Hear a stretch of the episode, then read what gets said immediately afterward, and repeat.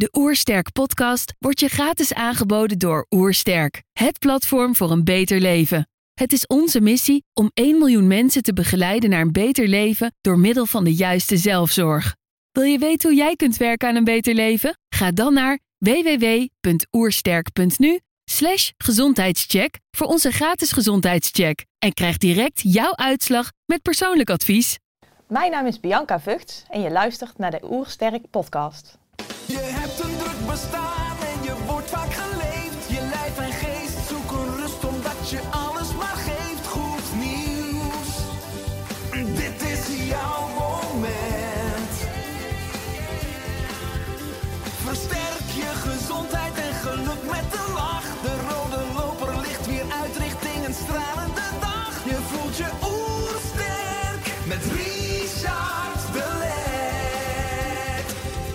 Zijn hier in Heemskerk voor een podcast met Bianca Vugs.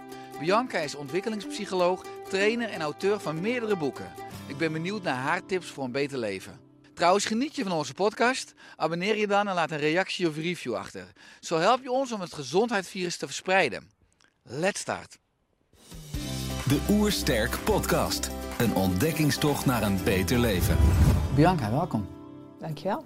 Op je website lees ik dat als meisje van vier jaar vond je het al heerlijk om in je slaapkamer met allerlei boeken te omringen. Je had een honger naar wijsheid en je bestookte je ouders met vragen als: hoe groot is het universum? Bestaan de hel en de hemel? En denk je dat wij deel zijn van een groter geheel? Welke antwoorden heb je inmiddels gevonden op deze grote vragen? Dat is meteen een mooi binnenkomer, eh, Richard. Dacht ik ook, ja. ja. Ik denk, begin klein. Ja, precies. Ja, in elk geval steeds meer vragen.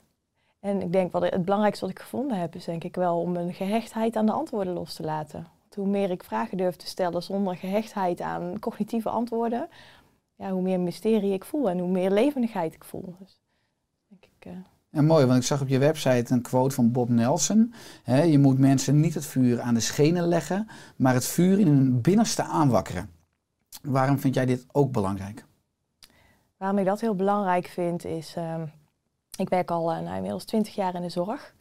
En eh, wat ik heel lang geprobeerd heb eh, of gedaan heb, is mensen geprobeerd te inspireren, mee te nemen vanuit mijn kennis en inzichten en de ervaring die ik had. En ehm, ja, daarmee leerde ik dat je ze met alleen maar het hoofd gewoon niet echt kunt bereiken.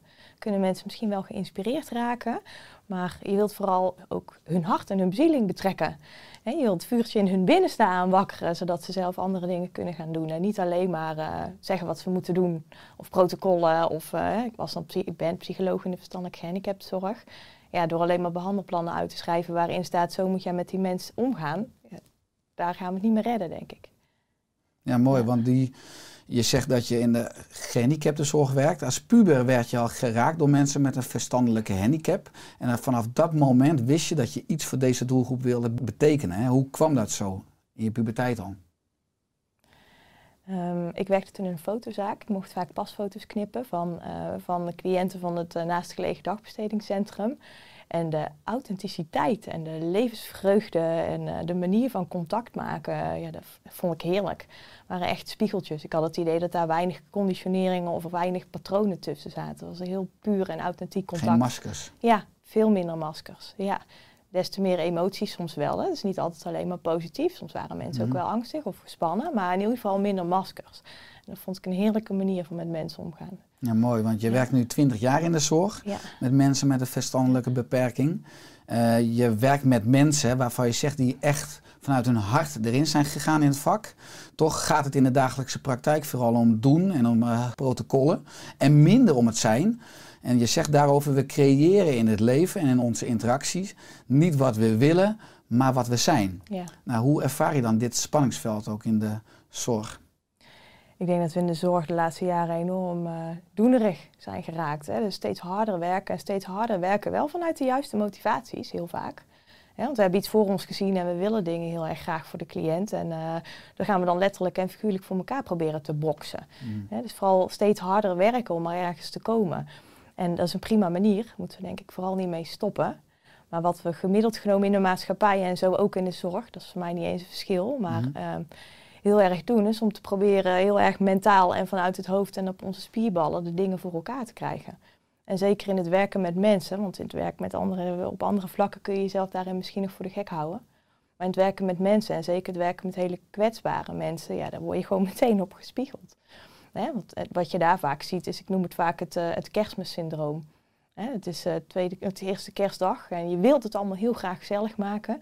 Dus je hebt wekenlang heel hard boodschappen gedaan en voor iedereen cadeautjes gekocht en de perfecte outfit hangt klaar. En uh, nou, uiteindelijk ben je zo op de pop van de zenuwen en van het harde werken dat het alles behalve gezellig wordt.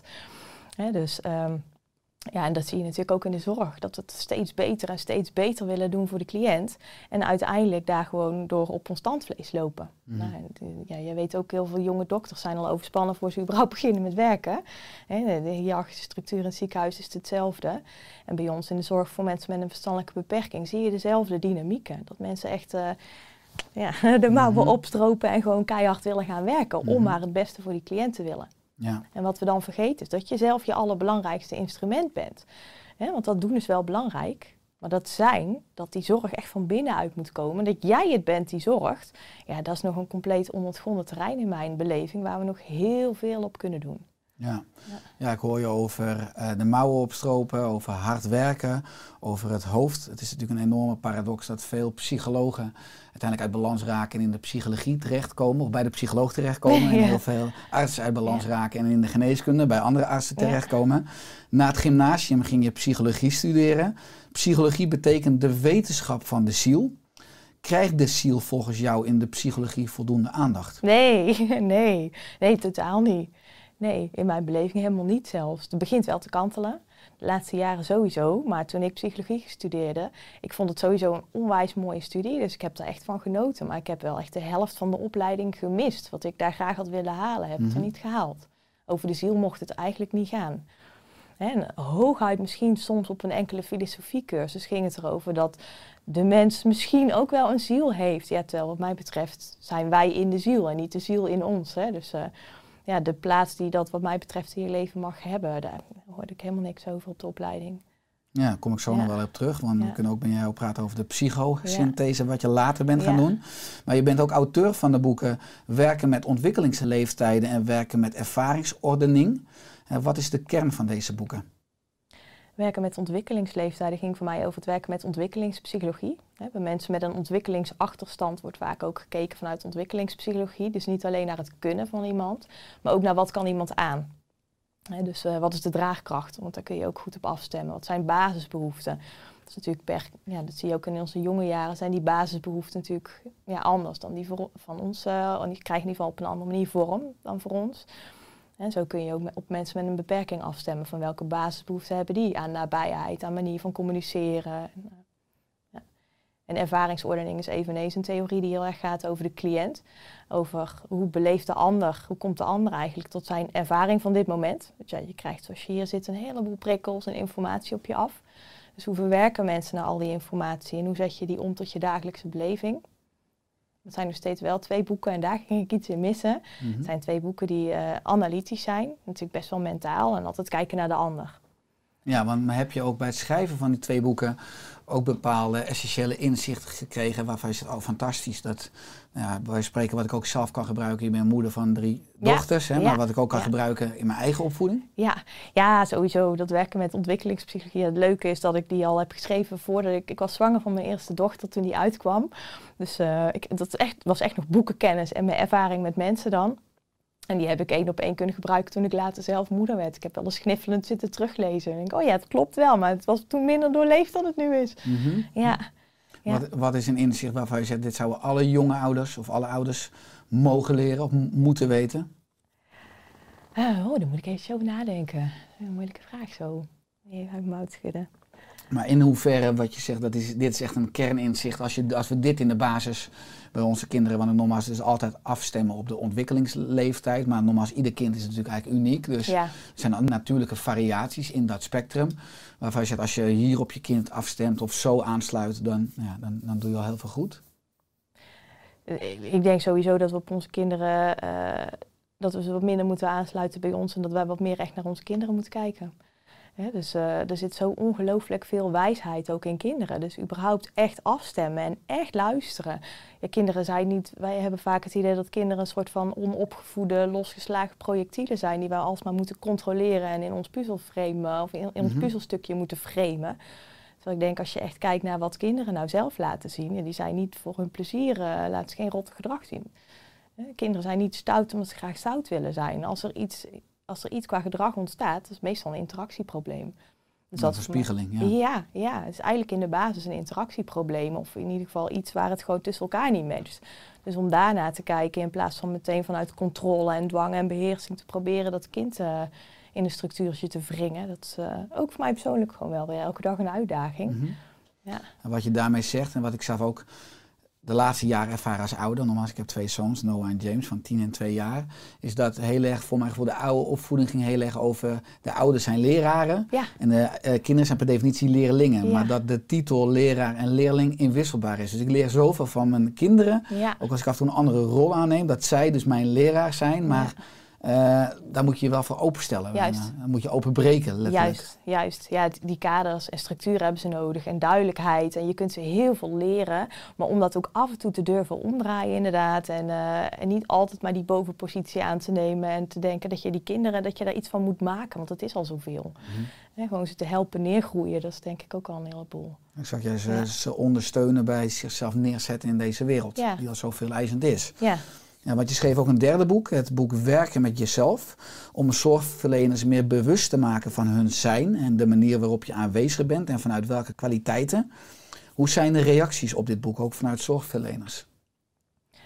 ik denk dat het letterlijk en figuurlijk een hapverse adem is. Want we hebben de laatste jaren in de zorg gewoon niet zo gelet op wie ben ik zelf eigenlijk. Ja, wat ik zeg, op het moment dat ik het boek schreef, had ik net die twee andere boeken geschreven. Die dus heel erg gingen over, ehm, nou ja, over de ander. En heel mentaal en analytisch. Hè? Dus nadenken over hoe beleeft die ander zijn wereld. En dat is hartstikke belangrijk. Alleen, ehm, ehm, ja, het gaat wel weer over daar. Terwijl die zorg vanuit hier, vanuit jezelf uiteindelijk moet komen. En dat is ook waar volgens mij de transformatie en de verandering vandaan komt. Zelfzorg. Ja, ja, die zelfzorg en je gewoon heel erg bewust zijn van wat gebeurt er nou eigenlijk. Hè? Want ook in de interactie, ja, je krijgt niet terug wat je wil, je krijgt terug wat je bent. Hè? Dus ook dat is voortdurend met elk mens weer een spiegel, denk Mhm. ik. En ehm, dat daar aandacht voor mag zijn, je daar letterlijk en figuurlijk gewoon bij stil mag staan. Dat mensen echt bij zichzelf stil mogen staan en daar goed voor mogen zorgen. Ja, dus ik krijg daar hele fijne reacties op. Er wordt echt heel bijna opgelucht gereageerd eh, door zorgverleners. Waardoor ze veel betere balans houden in hun werkweken, maar ook in hun werkdagen. In hun hele... En misschien daardoor ook juist veel meer genieten. Ja, ja, precies. Want daar zit de bezieling. Die bezieling zit niet in het doen. Dat is vaak leuk om te doen, maar de echte bezieling die komt vaak toch van binnenuit. En dus dan gaan die ogen weer stralen en dan zijn mensen weer aan als ze werken. Dan krijg je een heel andere energieverdeling. Gaan ze ook minder op hun spierballen werken, maar merken ze gewoon van, goh, als ik gewoon eens in die ruimte ga zitten met die mensen en ik ga ook eens gewoon op mijn gemak een kop thee drinken en er gewoon bij zitten, verloopt die avond veel rustiger dan wanneer ik daar zelf heel druk ga proberen om de boel maar te managen. Ja. Ja. Mooi dat je zo ook via je boeken weer andere Ja. mensen mag bereiken, inspireren. En eigenlijk zorgprofessionals, waardoor eigenlijk de zorg ook van binnenuit een stuk vitaler wordt. En alles begint bij jezelf. Ja, absoluut. Ja, wat ik mooi vind aan jou, en dat eh, komt ook terug in deze podcast, maar ook in mijn voorbereiding, is dat je enorm veel studeert. En je bent eh, leergierig, eigenlijk naar de basis van het leven. Je leest veel boeken. Zo kwam je ook onder andere aan aanraking met het boek Uw brein is medicijn Ja. van de Franse psychiater, hè, van Schreiber. En eh, in dat boek kwam je in aanraking met hartcoherentie. Hè, wat is de rol van ons hart in het lichaam? Wij hebben heel lang gedacht dat het hart niet meer was dan een bloedpomp. Mhm. Dus dat het gewoon een spier was die ons bloed rondpompte. Terwijl voor mij het hart misschien wel het allerbelangrijkste orgaan is. Ja, ga naar de verloskundige. Wat vraag je dan? Die vraagt niet, goh, doen de hersentjes het? Nee, je kijkt of het hartje al klopt. Mhm. hè? Dus het leven begint en eindigt letterlijk met het hart. Je kunt ook heel goed eh, hersendood zijn en toch nog doorleven. Maar dat is met het hart natuurlijk een heel andere kwestie. Mhm. Dus letterlijk levengevend op allerlei. eh, het wordt ook niet voor niks de zetel van de ziel genoemd. Hè? Alle grote wereldreligies die verwijzen ook naar de rol van het hart. En eh, als je alleen al naar de Nederlandse taal kijkt, alles wat ons echt na aan het hart gaat, heeft weer met het hart te maken. Mhm. Die heeft het hart op de tong, die heeft een hart van goud. eh, dus alles wat met liefde en echt belangrijkheid te maken heeft, dat heeft toch weer iets met het hart van doen.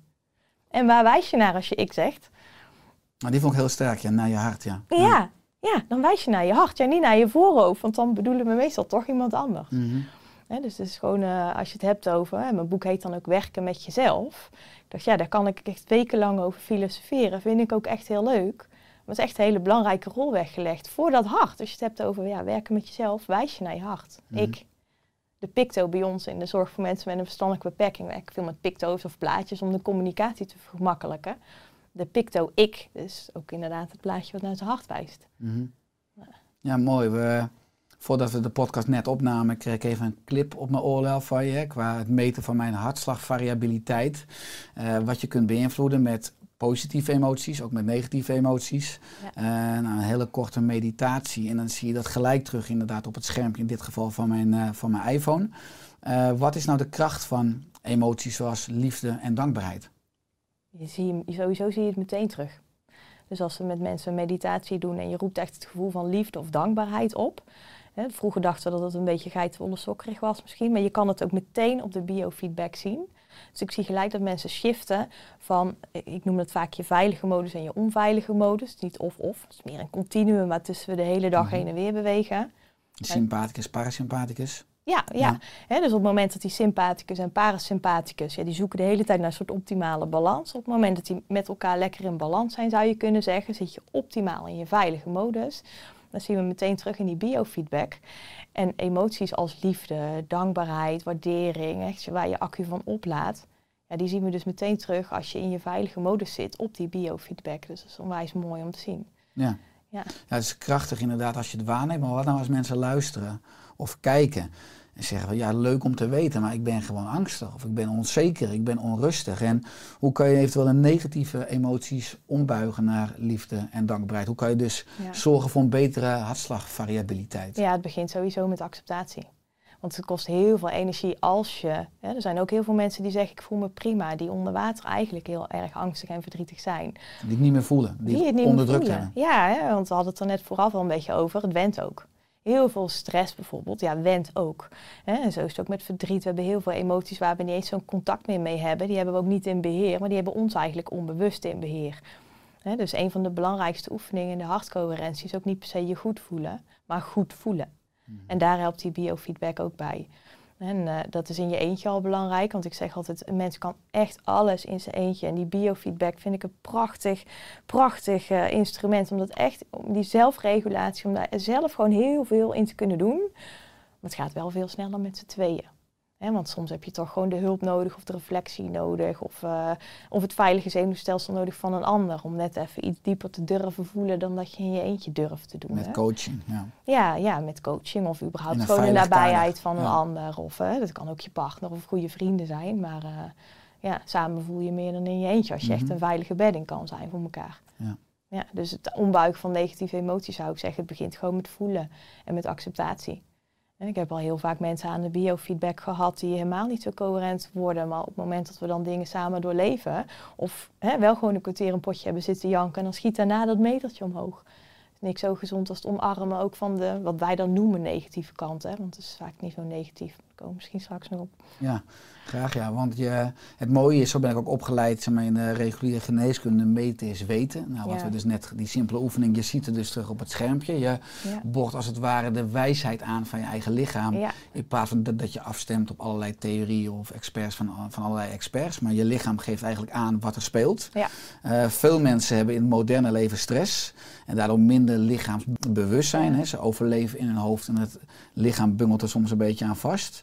Na verloop van tijd merken mensen dan signalen, klachten of onbalansen. Hoe kunnen ze dit met biofeedback dus weer in balans brengen? Ja, het, begin, ja, we hebben sowieso een heleboel oefeningen, maar het meest simpel is ademhaling. Want het geeft natuurlijk, eh, het geeft je hartslag neer. Hè? De hartcoherentie biofeedback geeft eigenlijk je hartslag weer. Het is niet gewoon je hartslag, het is niet je beats per minute, want dat kennen we allemaal wel van de Mhm. sportschool. Maar wat het meet is de intervallen tussen je hartslagen. En daarvoor geef ik meestal het voorbeeldje. Ik had vroeger een, eh, zo- zo'n lekker pittig benzinewagentje. Maar ik reed ook best wel pittig. Hè? Dus ik trok op en ik rende weer. En dan zat mijn toenmalige vriend, nu mijn man, naast me in de auto. En die zei, oh Bianca, wat doe je toch met die wagen? Want je trekt op en je, dat is ook grillig. Wat doe je dan met je auto als je zo grillig rijdt? Ja, je trekt je tank sneller leeg. Die auto die slijt sneller. En blijkbaar is het ook niet zo comfortabel voor degene die naast je zit. Wat je met die biofeedback meteen kunt zien, is of dat versnellen en vertragen in die hartslag, dus niet gewoon je beats per minute, maar het versnellen en vertragen in die hartslag, of dat lekker gelijkmatig is. Dus of jij een beetje zuinig met je auto omgaat. En ja, wat ik net al zei, je voelt het eigenlijk niet op het moment dat je daar geen biofeedback van hebt, hè, want je vindt het normaal. Dus je bewustzijn is daar vaak niet zo bij. Ja, wat die biofeedback kan doen, is die laat jou precies zien van, goh, ben je eigenlijk wel, uh, rij jij wel gelijkmatig met je auto? En dat hart kun je niet direct bij, maar wel je ademhaling. Mm want dat ligt natuurlijk mooi begrensd van, uh, van je autonome en je willekeurig zenuwstelsel. En ja, met je ademhaling kun je wel je hartslag beïnvloeden. Dus door wat langzamer te gaan ademhalen, gaat het hart bijvoorbeeld al meteen mee. Ja. ja, mooi, want je geeft aan dat heel veel mensen een norm hebben die niet per definitie gezond is, maar ze zijn eraan gewend omdat ze dat al heel lang hebben. Ja. Uh, nou, ook maatschappelijk zijn we misschien niet allemaal even vaardig in het omgaan ook met negatieve emoties. We drukken veel weg, hè? we drukken veel pijn weg, waardoor we pijn blijven ervaren of signalen of klachten. Hoe kunnen we op een betere manier met gevoelens van ongemak omgaan?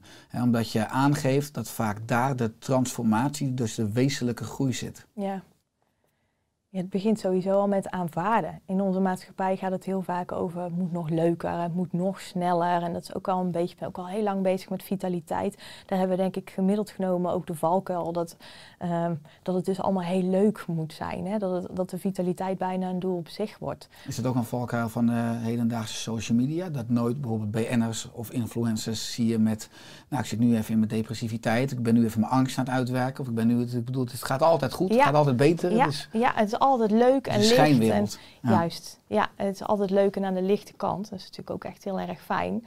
Maar het begint al überhaupt met waarde toekennen aan die wat donkerdere kant. een prachtig beeld daarvan vind ik bijvoorbeeld uh, No Mud No Lotus, die kennen we wel. Die lotus die zo lekker op het water drijft en mhm. in het zonnetje. Maar die, die wortels die gaan wel meters diep door het water en heel diep die modderige grond in.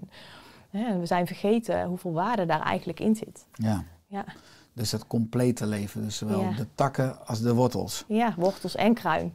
Ja. Ja. ja mooi.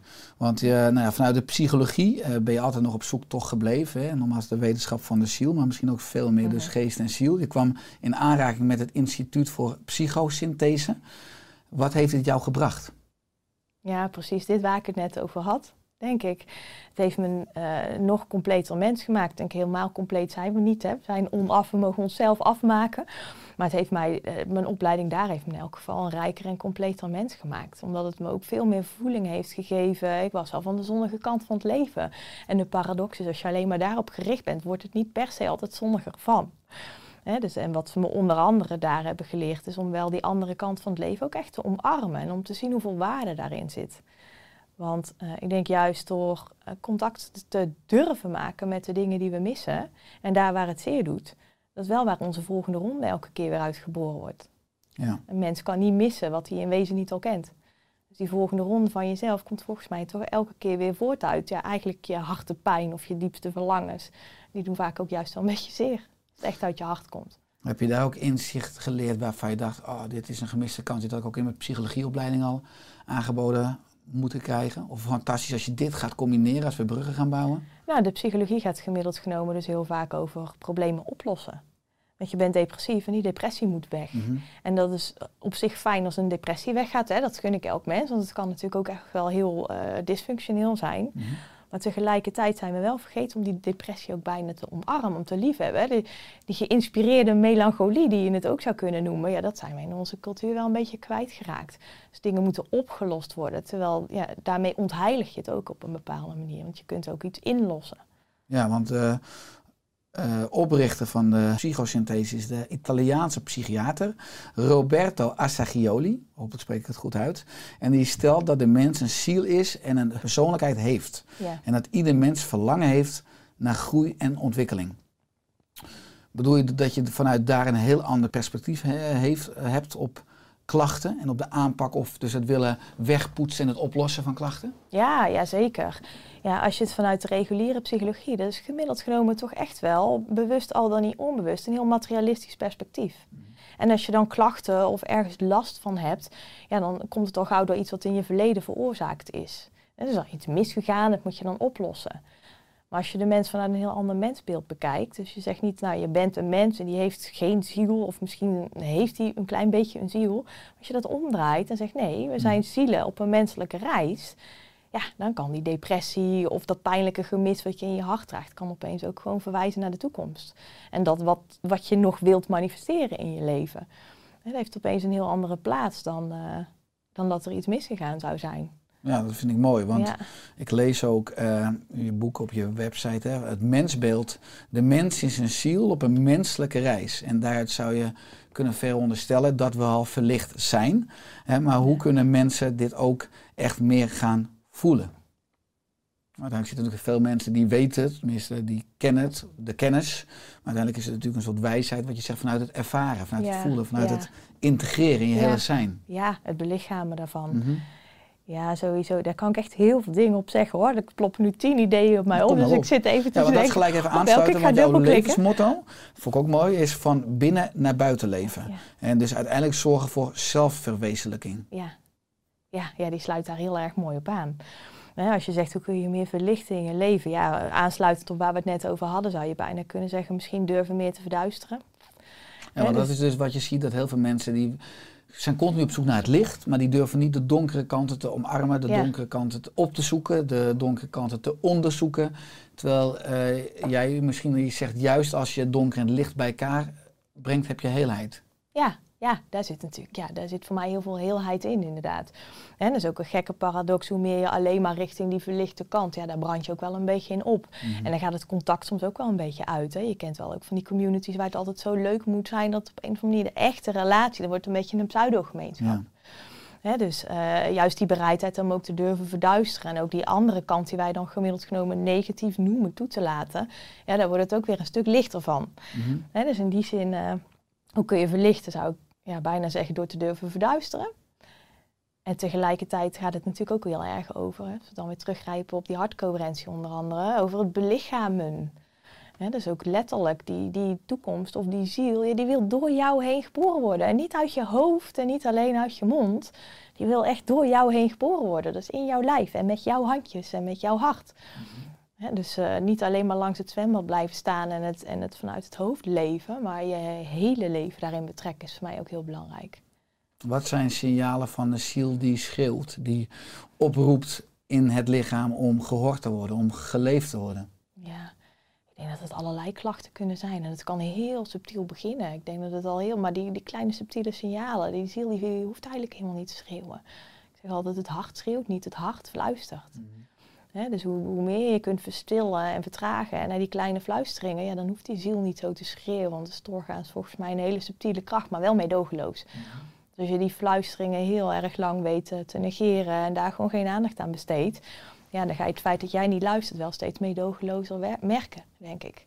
Heel goeig ook. Dat geen kwaadwillendheid, in tegendeel. Maar eh, ja, dat kan zich uiteindelijk uit in steeds meer klachten. Mhm. Of misalignment. Nou, als je kijkt naar eh, de menselijke ontwikkeling, een stukje evolutie. We hebben natuurlijk eh, landbouw gehad, in het industriële tijdperk, nu het digitale tijdperk. Waar we bij spreken allemaal om zeven uur moesten opstaan omdat we in de fabriek moesten starten. Nou, we hebben inmiddels een hele andere economie, een hele andere maatschappij.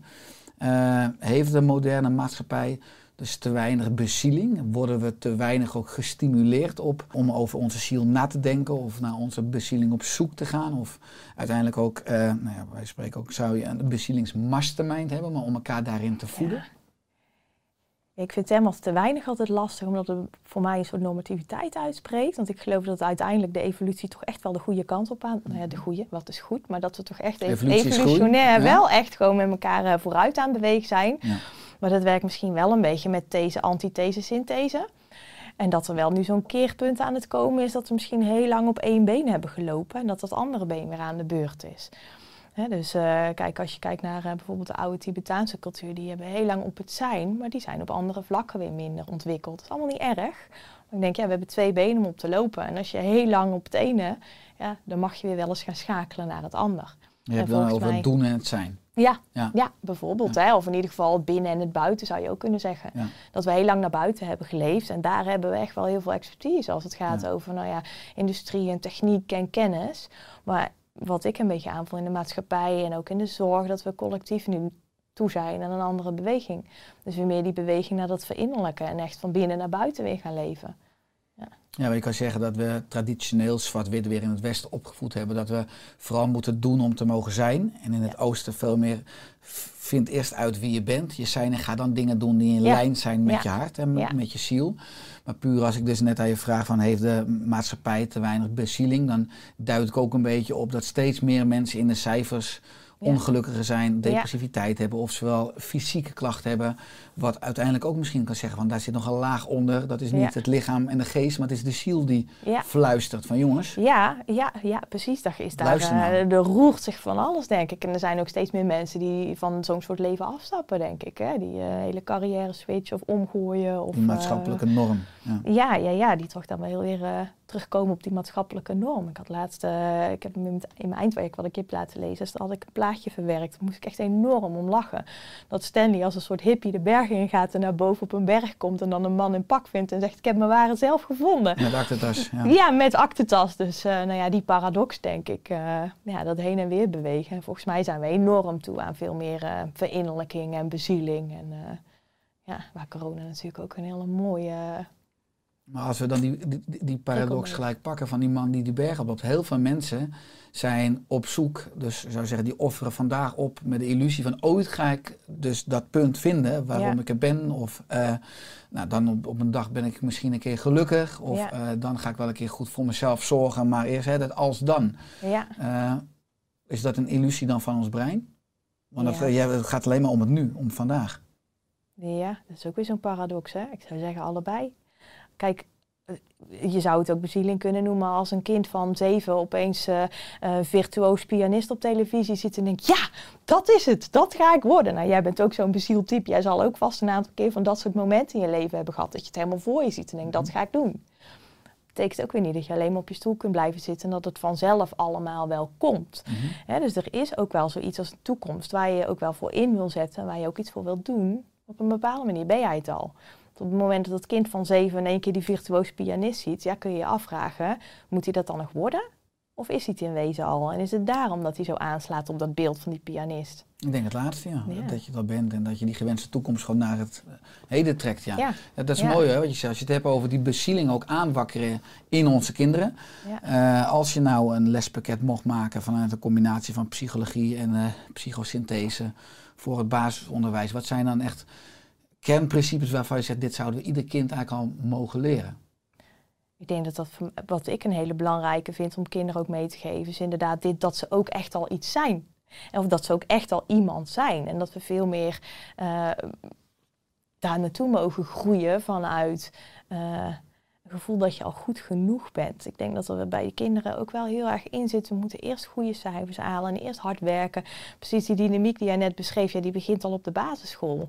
Je hoort hoeveel fouten je hebt bij een toets en ik bedoel wel goed. Je Ja. hebt hele subtiele dingen. Wat maar- wil je later worden? Ja, ik dacht ook al iets was, weet je dat? eh. ja, ja, ja, ja. Ja, ja, dus het is natuurlijk wel een beetje precair evenwicht. Want hoe kun je bij een kind die talenten naar voren eh eh, boetseren, zeg maar. Mhm. hè? Of zonder hem het idee te geven dat hij nu nog niks is. Dat vind ik een heel, eh, ja, dat vind ik ook gewoon een zoektocht. Maar Ja. daar zit het voor mij wel heel erg in. Dat we kinderen niet het idee geven dat ze bezig zijn om alsmaar iets te gaan worden. Want ja, ik zei net al, je creëert in het leven volgens mij vooral wat je bent. En niet alleen maar wat je wilt. Mhm. Dus eh, dat ze vooral voeling houden met hun binnenwereld en niet gaan staan aan wat die buitenwereld van ze wil. is voor mij wel een hele belangrijke. Mooi dat ze nu al compleet zijn, Ja. als kind zijn. En dat ze veel met die aangeboren talenten en die kwaliteiten Ja, en al die lagen binnen zichzelf mogen ontdekken en mogen ontplooien. Ja precies. Van Darwin hebben ze lang gedacht dat hij eh, niet helemaal 100% was, omdat hij alleen maar met beestjes zat te spelen. Ja, maar dat zegt iets over de blauwdruk van zo'n kind. Ja, eens, eens. Ja. Ja, wat ik mooi vind, want heel veel mensen ook die luisteren of kijken, Die zijn bezig met gezonde leefstijl en er is steeds meer bekend over voeding. Zie je ook op social media recepten, smoothies, eh, over sporten, over crossfit, eh, over, nou ja, in ieder geval over krachttraining, eh, over ontspanning, over meditatie, over biofeedback. Maar jij zegt, eh, je leefde jarenlang volgens jezelf hè, best gezond, wat uiteindelijk heel veel mensen denken natuurlijk. Ja. Maar je kreeg toch ernstige gezondheidsproblemen als gevolg van een hormonale disbalans. Ja. En wat heb je toen op die weg geleerd? heel veel. Dat, het echt, dat je echt gewoon één heel systeem bent. Ik dacht bijvoorbeeld, ik ben slank, dus ik hoef niet op mijn voeding te letten. Ik ben echt een enorme snoepkont en ik lust geen groente. Dus ik moest op dat vlak van heel ver komen. Maar ja, dat Lust geen groente of lusten geen groente? lusten. Lust geen groente, oké, dus ja, mooi. Nee, inmiddels wel, maar dat is een hele tour geweest inderdaad. Eh, Ik had gewoon bijzonder weinig groente en ik snoepte mezelf drie slagen in de rond. Omdat ik dacht, nou ja, ik ben slank, het zal wel niet zo kwaad kunnen. En eh, nou ja, ik was altijd wel heel geïnspireerd en dat hart betrok ik al. Dus ik dacht, nou ja, vinkje, vinkje, het zal wel goed zijn. Maar ja, zo werkt het dus niet. Je hebt ook echt een lichaam en daar heb je ook echt gewoon heel goed voor te zorgen. En als je ergens gewoon grote steken laat vallen, dan krijg je hem gewoon terug. Ja. Dus dan dus weer mooi eigenlijk. Je zegt vanuit gezonde leefstijl, lichaam doen is even belangrijk als, als wij de geest, ziel en zijn en, en het hele innerlijke. Dus het innerlijke, uiterlijke, dat is gewoon ook één systeem, een tandem. Ja, ja, dat denk ik. En uiteindelijk is het natuurlijk ook zo op het moment dat ik heel veel ga snoepen. Dus dat is ook weer een signaal. Ik denk, eh, de ziel drukt zich uit in mijn lichaam. Dus als ik toch op een bepaalde manier meer behoefte heb aan zoetigheid, zal ik toch wel meer zoets. Ook op zielsniveau verlangen. Dus om daar dan weer die zoektocht naar aan te gaan. eh. En mooi, Ja. want ik vind het continu mooi dat je in alles je kijkt naar de hele mens, van het hoofd, hart en het bekken. Dus lichaam en ziel, hè, zeg je zelf. Ik hoor maatschappelijk nog veel te weinig over het bekken. Eh, ben je Ja. het daarmee eens? Ja, ja, ja, dat is een volmondige ja. hè? Ja, daar ben ik het heel erg mee eens. Ja, in onze maatschappij, hè, als je het hebt over ons bekken, onze bodem, bijna je vrouwelijkheid of je wortels ook. Hè. Ja, daar gaat het niet zo over. Onze maatschappij denkt dat ze heel erg ruimdenkend is als het gaat over seksualiteit. En we zijn vooral een beetje grenzeloos, denk ik, en gepornografiseerd. Maar als het echt gaat over die wortels en die femininiteit en, eh, en die seksuele energie, volgens mij hebben we gemiddeld genomen nog geen idee wat we daar allemaal mee kunnen. Hoe komt dat? Ehm, ik denk dat het gewoon oeroude wijsheid is die we in de loop der jaren echt wel verloren zijn. En daar kun je natuurlijk over, er zijn eh, allerlei maatschappelijke dingen, denk ik, eh, misschien ook wel religieus beïnvloed, dat het een beetje vergeten is, gewoon die kennis. En daar gewoon niet mee bezig. Daar kunnen we heel lang eh, wellicht over filosoferen. Mhm. Maar de waterput hebben we in elk geval niet meer. Het water komt tegenwoordig uit de kraan. Dus als het gaat over eh, wij vrouwen troffen elkaar vroeger bij de waterput. Dat Mhm. hele concept hebben we niet meer. Mhm. En echt uitwisselen over seksualiteit, seksuele energie, die subtiliteit, ja, dat is er denk ik gewoon bijna niet meer.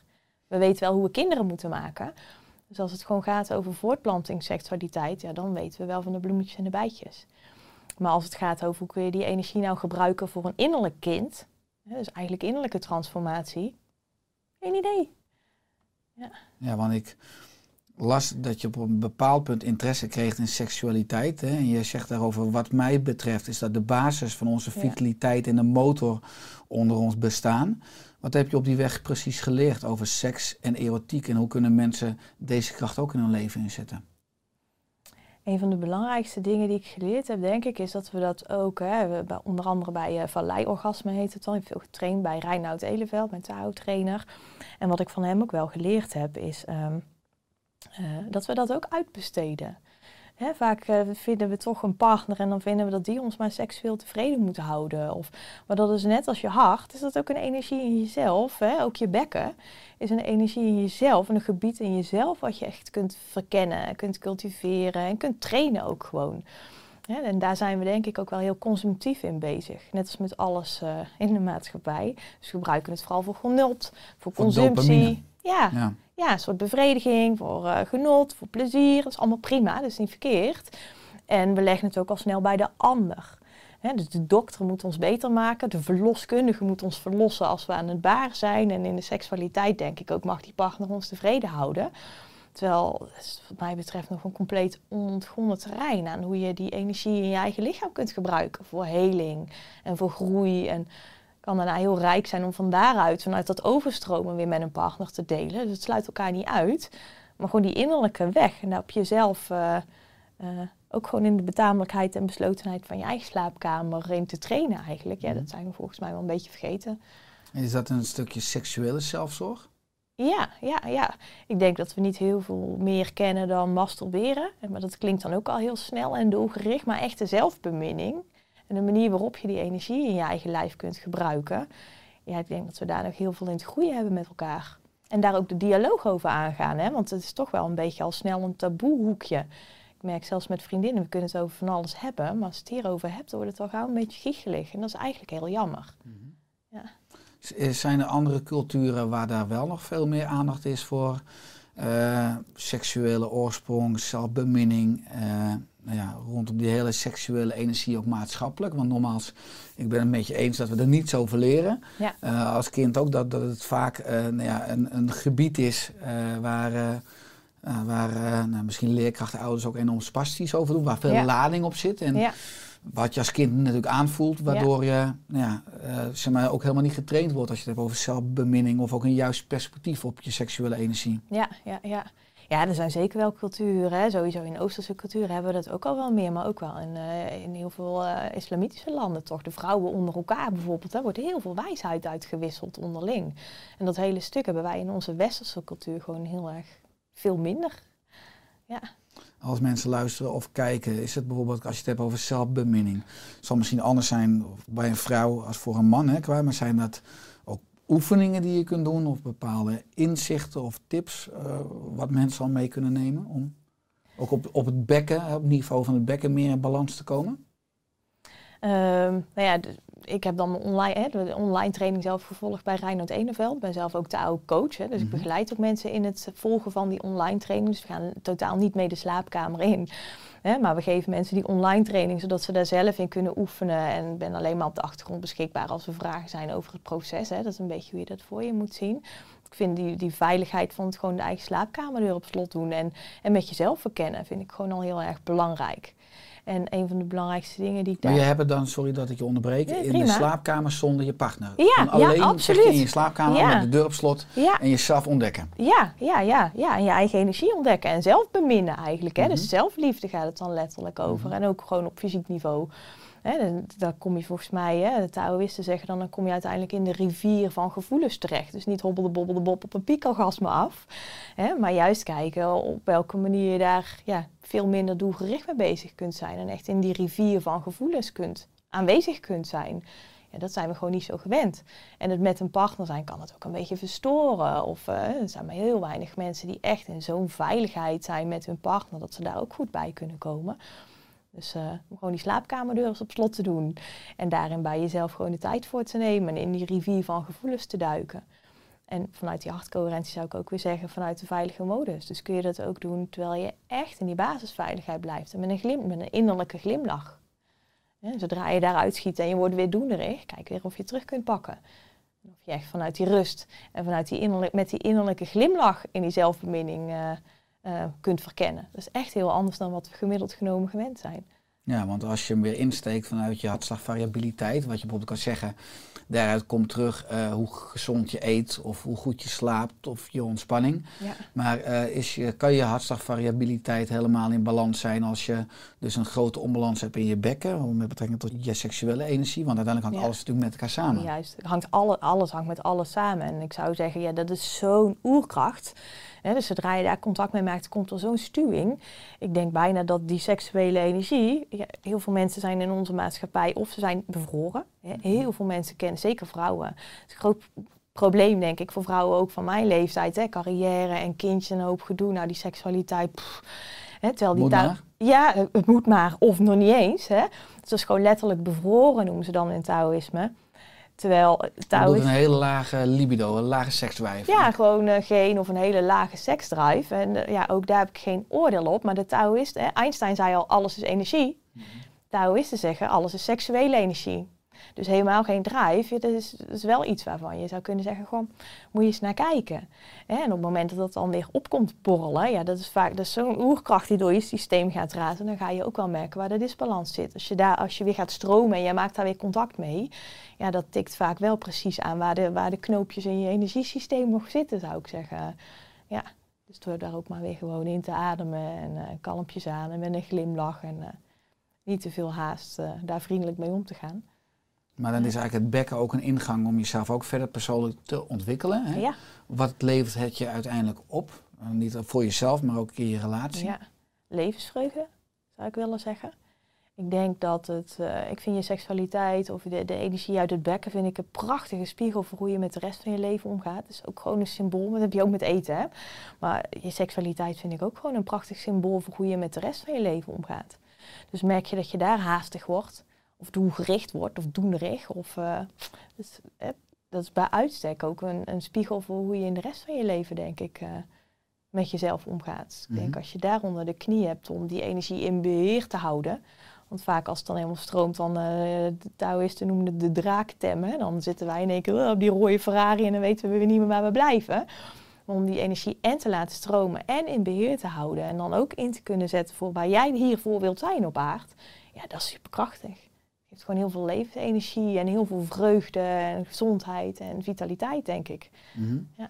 Als je het ook hebt over die seksuele energie, hangt het ook nog samen met frequentie. Hoe vaak mensen vrijen. Volgens mij, als je kijkt naar de cijfers, is dat één tot twee keer per maand gemiddeld. Wat Ja. ik dan relatief wel heel laag vind. Maar Ja. Stefan, het is daar gewoon los van. Je kan één keer in de maand samen een fantastische ervaring hebben. En dat is ook goed. Of is er wel een bepaalde frequentie vanuit de stroming Ja. waar jij... Als wij, als wij inderdaad eh, met zo'n online training, hè, als ik mensen coach in die online training, zeg ik probeer ongeveer drie keer in de week huiswerk te maken. En met huiswerk bedoelen we dan, doe even de kamerdeur op slot en eh, hè, duik even in de intimiteit met jezelf. Dus hoe vaak je vervolgens intiem moet zijn met een partner, dat weet ik niet. Hè. Daar, daar zou ik ook echt geen stickertje op willen plakken. Ik, zeg, ik ben altijd vooral van, van binnen naar buiten leven. Dus begin eerst eens met jezelf. Wat je de rest met anderen uitspookt, moet je allemaal zelf weten. Maar dat reisje met jezelf is ook gewoon super belangrijk. En eh, ja, twee, drie keer in de week huiswerk maken is toch een mooie frequentie. eh. maar ook dat is niet dogmatisch, want die Taoïsten hebben een hele mooie beweging van een warm bed en een koud bed en een warm bed. Maar dat kan ook naar bevriezen schieten. Mhm. En het kan ook naar eh, het opbranden schieten. Ja. Hè, dus dat je er zo fanatiek in wordt dat je eigenlijk niet meer op de energie uit je eierstokken gaat leven, maar dat je hem echt uit je nieren gaat trekken. En dan ben je zelf aan het Met je opbranden. reserve-energie. Ja. Je accu aan het... eh, Ja, ja, ja, ja, ja. Er zijn mensen die misschien seksueel wel heel vitaal zijn, maar steeds meer wallen onder de oogjes krijgen. Ja, Seksuele roofbouw. ja seksuele roofbouw, ja, precies. Maar ik kan me voorstellen, en dat is ook een aanname, maar ik heb zelf ook een praktijk voor integrale geneeskunde gehad. Bijna 4000 mensen één op één mogen begeleiden. Ja. Dat een aantal mensen, of misschien denk ik veel mensen nu zitten te luisteren of kijken en zich al een paar minuutjes ongemakkelijk voelen. Omdat Ja. het, het confronteert ook met eventueel eigen thema's Ja. op het gebied van seksualiteit. Eh, wat zou al inderdaad een eerste ingang zijn als je nu op het thema seksualiteit al dat ongemak voelt? Of denkt, nou ik zet die podcast wel uit, want dit, dit is... Ja, dit, dit, dit is- ik kan hier slecht mee overweg. Ja, ja. Ja, dat ongemak, ja, dat, is allereerst gewoon een signaal. Ik denk, hoe jammer is dat? Dat we zo'n belangrijke levensenergie, dat we daar blijkbaar zo'n ongemak bij voelen. Om daar gewoon als volwassen mensen met elkaar over te praten. Ja, alleen dat is denk ik al een prachtig signaal. Dus ja, Mhm. voor mij hoef je hem niet uit te zetten, maar blijf daar gewoon eens bij. En eh, ben daar eens nieuwsgierig naar, want daar ben je niet alleen in. Dat is meestal echt iets wat uit het collectief komt, wat we met z'n allen vinden. Ja, ik las, las van de week een hele grappige uitspraak, maar dan ben ik hem natuurlijk vergeten. Die vond ik echt heel leuk. Die zei, ja, seksualiteit bedrijven met elkaar, daar kun je wel een SOA van krijgen, maar erover praten niet. Hè? Dus dat, Mhm. dat, dat kan verder helemaal geen kwaad. En dat is zelfs heel gezond. Veel te onderbelicht. Ja. Maar waarom is er dan ook zoveel spanning om praten over seksualiteit? Omdat het misschien ook heel westers interpreteren van eh, dat we denken van hoe, hoe, hoe ik presteer of over mijn vaardigheden of misschien ook wel met schaamte en schuld. Hè, wat, daar hangt Ja. heel erg zo'n sluier omheen. Het is niet Ja. vrij voor. Ik bedoel, als je op een verjaardagsfeestje eh, bent en je zit in zo'n kringetje, nou oké, dat is misschien niet een goed voorbeeld, want je doet het bij vriendinnen, je doet het bij mensen die je vertrouwt, dat is een raar voorbeeld. Maar ik bedoel, vaak bij mannen in de kroeg is het natuurlijk allemaal heel oppervlakkig en lacherig en dan kies je misschien ook een goede vriend die je even vertrouwen neemt. En, Ja. Maar het, het, het, is alsof er heel veel van afhangt. Alsof we gezichtsverlies kunnen leiden of Ja. zo. Dat, dat het gekoppeld is op een rare manier aan onze identiteit. Ja, ja, ja, dat denk ik ook echt. Dus op een hele rare manier aan ons ego of zo. En eh, ja, je ziet er alles in terug wat je in de maatschappij ook terugziet, maar dan veel gevoeliger. Alles wat met ons eten, dus misschien nog aan de oppervlakte, maar alles wat je daarin terugziet, zie je ja, in je seksualiteit op het, met een vergrootglas erop en heel intiem en heel di- dicht van jezelf. Je zou zelfs kunnen zeggen, hè, sommige stromingen zeggen dat ook, je ziel of je, je levensenergie is seksuele energie. Dus misschien ligt het wel zo dicht aan je ziel dat het daarom zo sensitief is. Maar ook in het collectief, ja, er zit natuurlijk heel veel trauma omheen. En heel veel schaamte en heel veel dogma's. En eh, ja, er zit, er zit heel veel op, denk ik, aan Ja. lading. Op allerlei manieren. Ja, dat is, als je het hebt ook over eh, seksualiteit eh, bij onze kinderen. Nou, ik ben natuurlijk nu 38. Ik weet nog wel dat eh, wij op de middelbare school, volgens mij in de brugklas op een gegeven moment, gingen we dan, kregen we een film te zien. Dat was nog een videoband trouwens. En het, over de tent. En in de tent hadden een man en vrouw hadden seks. En nou, dat was mijn eerste, dat het voor mij visueel werd. Als, je- als je kijkt, afgelopen maanden in de lockdown is een radicale toename van porno-sites, hè, wat je Ja. net ook noemde. Dus Ja. Eh, dat ook veel meer bij kinderen en middelbare scholieren, die denk ik Ja. een enorm vertekend beeld krijgen Ja. van eh, nou, wat seks dan is, of wat seksualiteit is, laat ik het zo dan. eh, Ja. eh, hoe kunnen we ook bij onze kinderen, ja, een stukje seksuele opvoeding, wat zouden daar bepaalde kernprincipes al kunnen zijn? Ja, ook daar ben ik heel erg van leef van binnen naar buiten. Want alles wat je voor jezelf doet, doe je voor je kinderen. Dat doe je voor de generaties terug en de generaties vooruit.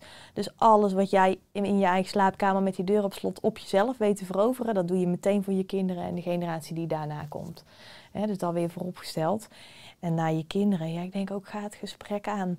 En ik ben helemaal niet zo'n voorstander dat je als papa en mama daar hele intieme dialoog met je kinderen over hebt hoor. Stuur ze naar een wijze tante. Dat is niet altijd per se de plaats van je de kinderen ouders. zelf over beginnen natuurlijk, in plaats van dat je het als ouder gaat opdringen. Dat is misschien dan een tikkeltje Sowieso. ongemakkelijk. Ja. Sowieso. Ja. ook, Hè. Ik eh, noem naar mijn kinderen altijd, er zit geen enkel taboe op. En je mag alles naar papa en mama vragen. En als je iets wil weten, dan kom maar. En, eh, hè, dus die openheid die is er in elk geval. En die vind ik heel erg belangrijk. En zelfs al ben je ongemakkelijk, dat je dat dan ook maar benoemt en er daar dan maar weer gewoon mee bent. Hè? Want ja, je moet jezelf vooral niet gaan kwalijk nemen als daar wel lading op zit. Dat is nou eenmaal het startpuntje waar we mee te doen hebben. Dus een open dialoog vind ik onwijs belangrijk. Ehm, het, met elkaar gewoon zorg dragen voor een cultuur waar onze zoons en dochters überhaupt daarin eh, hun educatie kunnen krijgen. Ook al zijn het niet eens per se je eigen zoons en dochters. Ja, dat vind ik ook, ook gewoon heel erg belangrijk. Dus dat gesprek elke keer openbreken. Ja, ik zit hier voor mijn dochters bijna hè, over dit Ja. thema te praten. Dat vind ik ook heel belangrijk. Maar dat gaat dus ook bijna over het trainen van de maatschappelijke seksuele vaardigheden. Want uiteindelijk, vroeger wat je Ja. zei bij de waterput, dan ging je misschien naar een tante of naar een vriendin. Of naar, maar had iedereen een bepaalde seksuele ontwikkeling, waardoor mensen ook wijsheid konden delen over seksualiteit. Maar als je jezelf niet op dat vlak ontwikkeld hebt, kan je natuurlijk ook niet per se de juiste adviezen weer doorgeven aan de volgende generatie. Dus- Precies, die wijze tantes hebben we ook gewoon niet zo heel erg veel meer. Hè? Die echt nog, eh, misschien wel, eh, die vanuit de techniek allerlei slimme dingen kunnen zeggen. Maar die echt nog die vreugdevolle levenssprankeling, hè, waarbij de seksualiteit nog uit de ogen spat op de tachtigste. Nou, die dames hebben we niet meer zoveel in onze cultuur, zou je kunnen zeggen. Dus eh, die moeten we met elkaar weer maken. ja, die moeten we weer creëren. Ja. Ja. Ja. Als je het hebt over al jouw activiteiten, hè, hoe zorg jij voor balans in je leven? Ehm, mijn daily practice van mijn hartcoherentie. Dat is voor mij echt een lifesaver geweest. Ik geloof niet dat ik per se heel veel last had, maar ik ben wel een enthousiast type. Mhm. Dus eh, ehm, ja, gewoon altijd heel enthousiast en geïnspireerd. Maar dan kun je ook goed te leeglopen. Eh, een beetje chakka mentaliteit, zou ik maar zeggen. Dus die hartcoherentie heeft mij wel geleerd dat er ook nog een heel ander veld is. Dat je iedere dag de feedback krijgt van oké, ik zit op het juiste pad of ik moet iets meer ontspanning, ik moet even bijsturen. Je hebt continu feedback. Ja, ja, ja. En dat doe ik nu elke dag. En niet alleen maar vanuit het jippie en het heel leuk, want dat kende ik wel. Wat mijn hartcoherentie me ook geleerd heeft, is dat ik ook echt vanuit die liefde, eh, dankbaarheid, waardering, vanuit veel kalmere positieve emoties, dat ik daar echt mijn batterij op laat. Doe je dat op een vast tijdstip? Ehm, ik heb er geen vast tijdstip meer voor. Dat moet ik, ik merk dat wel als ik echt gestrest raak. Als ik een beetje uit balans ga raken, dan denk ik, oké, dan ga ik echt weer regelmatig op vaste tijdstippen echt met mijn biofeedback zitten. Maar nu zit het eigenlijk door mijn dag heen. Dus preventief heb je een ander ritme dan curatief bijna. Dus als je Ja, ja als ik denk het is bent. weer even tijd, dan eh, ga ik het weer veel vaker doen. Eh, soms zelfs wel drie keer per dag of als ik achter de computer zit. Of dan heb ik gewoon veel mijn apparaatje bij me. Maar eh, ja, net als nu, je zag net in mijn tas, ik heb drie van die dingen in mijn tas zitten. Dus eh, elk onbewaakt was hier best vroeg, want ik heb twee uur moeten rijden voor deze podcast. Ja, dan zit ik even tien minuutjes in de auto, eh, even een momentje te pakken. Dus ik doe het dan meer hoe het komt. eh. Ja, en is, is, die, is het echt zeg maar, je veiligheidspal? Paul, Of heb je ook andere gewoonten nog op je dag die je daarnaast integreert? We hebben een hond. Dat is mijn grote veiligheidspal ook. Daardoor kom je elke dag buiten. Herkenbaar, elke dag in Ja. de natuur. Ja. En eh, ja, dat is gewoon heerlijk. En, eh, Heb je ook een reden om de avondklok te doorbreken? Ja, je mag gewoon buiten lopen, ideaal, dat we mogen ideaal. gewoon van alles s'avonds. Ja. Heerlijk. Dus eh, ja, nee, mijn hond is ook echt een hele belangrijk om gewoon wel echt aan mijn beweging en mijn frisse lucht en mijn natuurtijd te komen. Elke dag gewoon een uur op de hei met de hond is ook een belangrijke. Ja. En het omgooien van mijn voedingspatroon. Hij had echt zo niet mijn aandacht. Maar daar heb ik heel, heel, geen revolutie, maar evolutie. Ik heb mezelf lange tijd een kleine stapjes in gegund. Maar dat was ook echt heel plezierig. En hoe is dat veranderd? Je zegt onder andere dat je meer groente bent gaan eten, want dat lust je eerst niet. Ja. Maar hoe heb je dat gedaan? Kleine stapjes veranderd. Elke keer maar weer nieuwe recepten, daar mijn aandacht bij gehouden. Geen druk erop voor mezelf. En eh, elke keer gewoon gekeken hoe kan ik nog iets van groente in mijn dag. En nog één groente die ik erbij kan gaan leren eten. Mijn kinderen aten het wel. Dus dan eh, ja, toch elke keer maar weer blijven proeven. Nieuwe receptjes uitproberen. Nou, de groene smoothie als ontbijt heb ik ontdekt. Daar ben ik eh, heel blij mee. Dus ik kom ik heel wat ontjes. Ideale manier om veel groente in, in te smokkelen al. Ja. Ja, ja, ja, gepureerde soepen, dat is ook zoiets. Want ik vind überhaupt de structuur van groenten nog een beetje lastig. Maar gepureerde soepen, nou, daar kan ik er inmiddels eh, heel veel verschillende soorten van maken. Dus we hebben ook elke dag een gezonde lunch. Ja, stapje voor stapje vooral.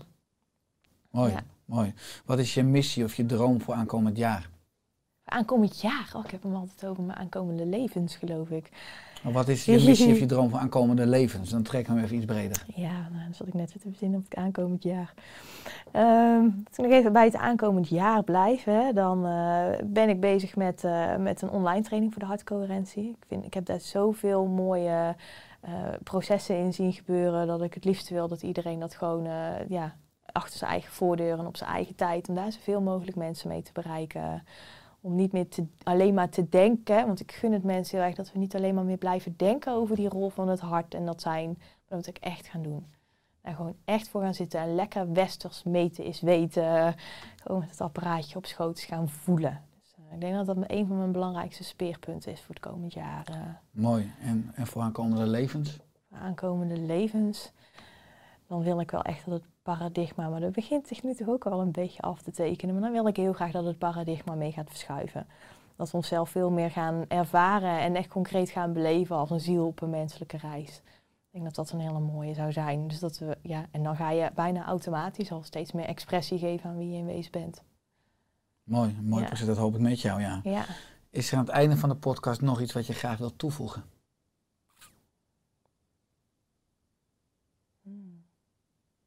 Een mooie open vraag. Moet ik ook even op mijmeren. Dat mag. Ja. Ja, wat ik misschien een mooie vind als mensen een beetje het verlangen voelen om wat dichter vanuit hun hart te gaan leven, raakt het gewoon af en toe eens aan.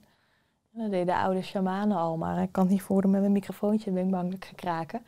Maar af en toe gewoon eens je hand op je hart leggen. En echt even contact maken met dat gebied en daar gewoon even in glimlachen. Ja, dan gebeuren er al hele mooie dingen. Dat is voor mij een hele mooie, hele concrete, als ik iets wil gaan doen, ik denk, oh, ik moet even zakken en ik moet van daaruit komen, dan leg ik gewoon mijn hand er even op. En dan is je aandacht er ook meteen. En alleen dat al verschuift instant iets in mijn beleving. Mooi. Ja. Waar kunnen mensen meer vinden over jou, over je boeken, over je diensten? Ja, daar ben ik nooit zo goed in. Kom maar op. ja, ik ben nooit zo goed in, dat wordt zelf PR. Maar eh, ik heb een website. Dus eh, daar kunnen ze inderdaad wat dingen over vinden. Er staan ook mijn boeken inderdaad. eh, en, mijn, en mijn diensten staan over het algemeen gewoon op mijn website. Ja, dus eh www.biancavugts.nl Mooi. En hoe spel je Vugs? V-U-G-T-S. Ja, goed voor de luisteraar altijd Ja, handig om te eh, ja. Puur even, even ingaan op, nu, mochten de luisteraars zijn, dat weet ik zeker, die vragen wij, anders krijgen we in onze mailbox. Mm. Van hé, hey, dat stuk over seksualiteit vind ik onwijs interessant. Wat zou een eerste boek, of je noemt je leraar ook, een eerste online cursus zijn waar ze meer verdieping kunnen vinden? Ja. ja, op de website van valleiorgasme.nl staat enorm veel op. Mogen je ook contact voor opnemen met mij. Ik kan dan een hoop vragen over beantwoorden. Als mensen de online training willen gaan doen, eh, kunnen via mij ook een kortingscode voor het online programma weer. Zeker eh, doen. Je moet jezelf wat meer verkopen. Ik help je. Heel goed. Ja, moeten mensen doen. Moeten Ja. mensen doen. Ja. Zeker. Ja, dus dat, dat stukje, daar kunnen ze contact voor opnemen met mij. En dan kunnen ze, eh, maar er staat ook al heel veel rijkdom op die website. Er staan heel veel van die, hoe heet dat, van die webinars opgenomen. Uren aan materiaal wat je gewoon gratis kunt bekijken, wat je kunt doorlezen. En als ze nog vragen hebben, bel of mail mij vooral. Dat vind ik alleen maar leuk. Ja. Mooi. Dat moeten ze zeker doen, want je hebt de wereld veel moois te bieden. Dus ik, ik help je graag een handje. dankjewel. Bianca, dankjewel voor je komst in de Oerstek podcast. Dankjewel dat ik er mocht zijn. Met liefde en dat we nog maar meer eh, volgens onze ziel mogen gaan leven. En onze talenten en kwaliteiten aan de wereld mogen geven. Maar te starten bij jezelf. Yes, Alle goed. dankjewel. Dankjewel.